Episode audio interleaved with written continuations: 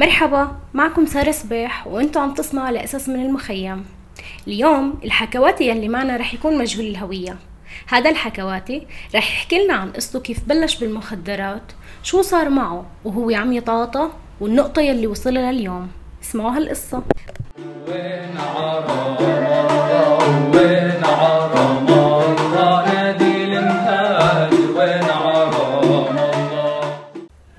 بلشت بالمخدرات بطريقة يعني من طريق رفقة السوق. أه تعرفت على شباب ما كان لازم أتعرف عليهم. قبل أنا ما كنت أحب هذا الموضوع لأنه شفت مين مات قدامي وشو صار فيه من وراء هذا الموضوع. وبالغلط تعرفت على شاب ضيفني اياها أول مرة واخدتها وبعدين صرت أروح أنا أشتريها لحالي. عرفتي كيف؟ وصارت معي شوية مشاكل يعني بالبيت و... ولحتى صار موضوع اللي موضوع بيني وبين ابن عمي وبين البيت وبين الأولاد وبين مرتي. عرفت علي كيف؟ آه أنا ابن عمي عمي كان شاري بيت لإلي ولمرتي. عرفتي كيف؟ وقال لها هذا البيت لإلك ولا قام توفى عمي إيه؟ قام صار ابن عمي يعيرني بالبيت. وطبعا غير هيك صار في مشاكل عائلية بقلب البيت بيني وبين مرتي. يعني آه أنا موضوع موضوع إنه أنا شوي عصبي زيادة عن اللزوم بس الغلط ما بحبه. عرفت علي كيف؟ وما بتصلبط حدا ولا بحياتي تصلبطت حدا.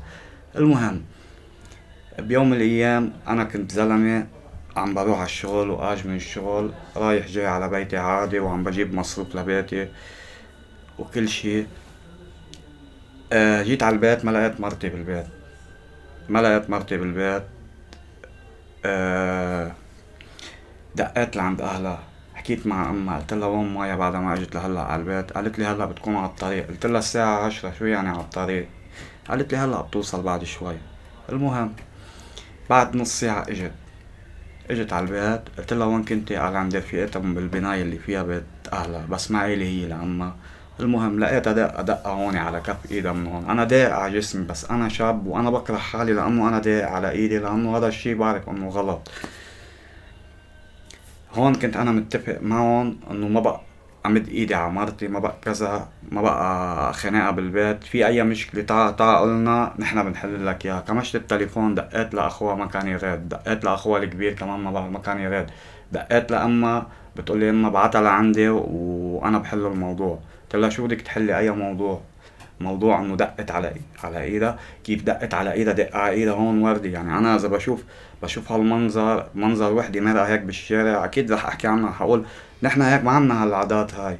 لعبت لها براسها رفيقتها وهيك قامت دقتها. المهم كمشت التليفون حكيت مع رفيقتها قلت لها إذا هي ما بتفهم أنت ما بتفهمي أنت ما عندك أولاد. أنا عندي بنت عمرها 14 سنة صرت أفكر إنه كيف هاي عملت هيك من شأن البنت. المهم ما حدا رد علي بهذا الموضوع. طلعت هيك أنا بحالي قلت إنه يعني أنا كل هالتعب اللي عم بتعب وما حدا عم بيراد وكانوا يضلوا يهددوني بالبيت عاطينك بيت وأنا كنت أعمل له ديكورات وكنت فرشه كنت يعني تعبت عليه كتير عرفت علي كيف؟ هون خلص بطل فيني أتحمل. طلعتها من البيت بعتها لعند أهلها ورحت اشتريت بنزين وكبكبت بنزين بالبيت كله. وأنا عم بكب مرقت على اللعب تاعو لابني الموضوع اللي زعجني يعني ما زالت على البيت وعلى العفش وعلى شو اسمه بس اتضايقت على موضوع اللعب تاعو لابني أنا وعم بكب عليهم بنزين.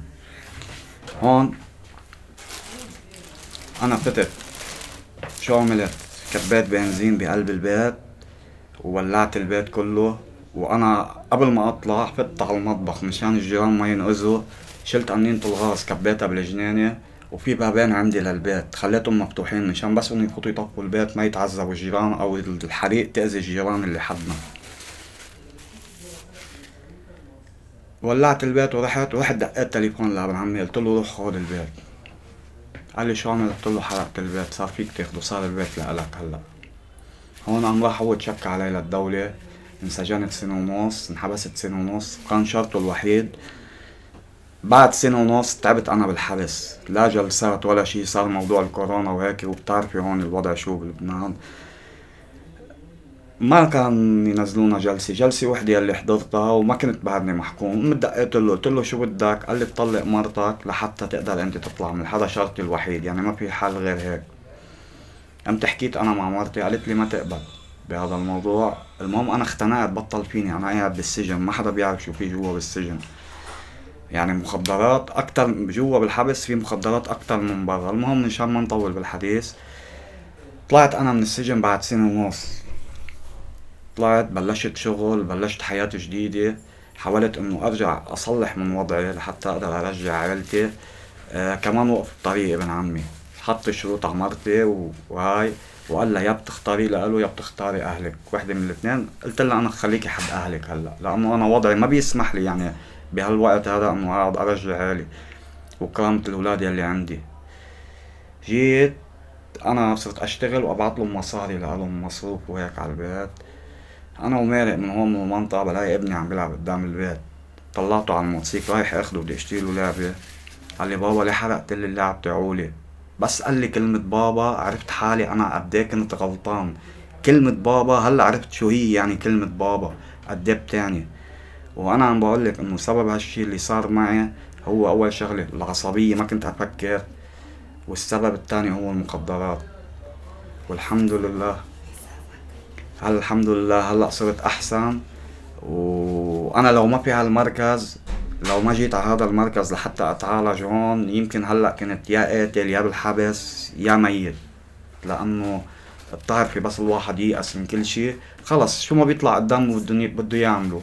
وخصوصا إنه ما حدا واقف حدي يعني لا من أهلي ولا من ما حدا ساعدني يعني بهذا الموضوع. إنه ارجع أرجع أصير بني آدم واقف على جبال والحمد لله رب العالمين إنه أنا هلأ جيت على هذا المركز وعم بتعالج وصرت أحسن. وحتى اليوم المعلم دق لعائلتي واليوم جايين لحتى يشوفوني عرفت علي كيف؟ والحمد لله ماشي حالي. يعني أنا لو ما هالمركز ما بعرف شو كان صار فيني. الله يعطيك العافية أنت اخت وسام والست على واخت علاء والسيد عابد والمعلم نمر الله يخليكم على طول فوق راسنا ويطول بعمركم.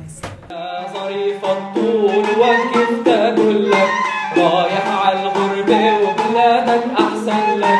خايف يا ظريف تروح وتتملك وتعاشر الغير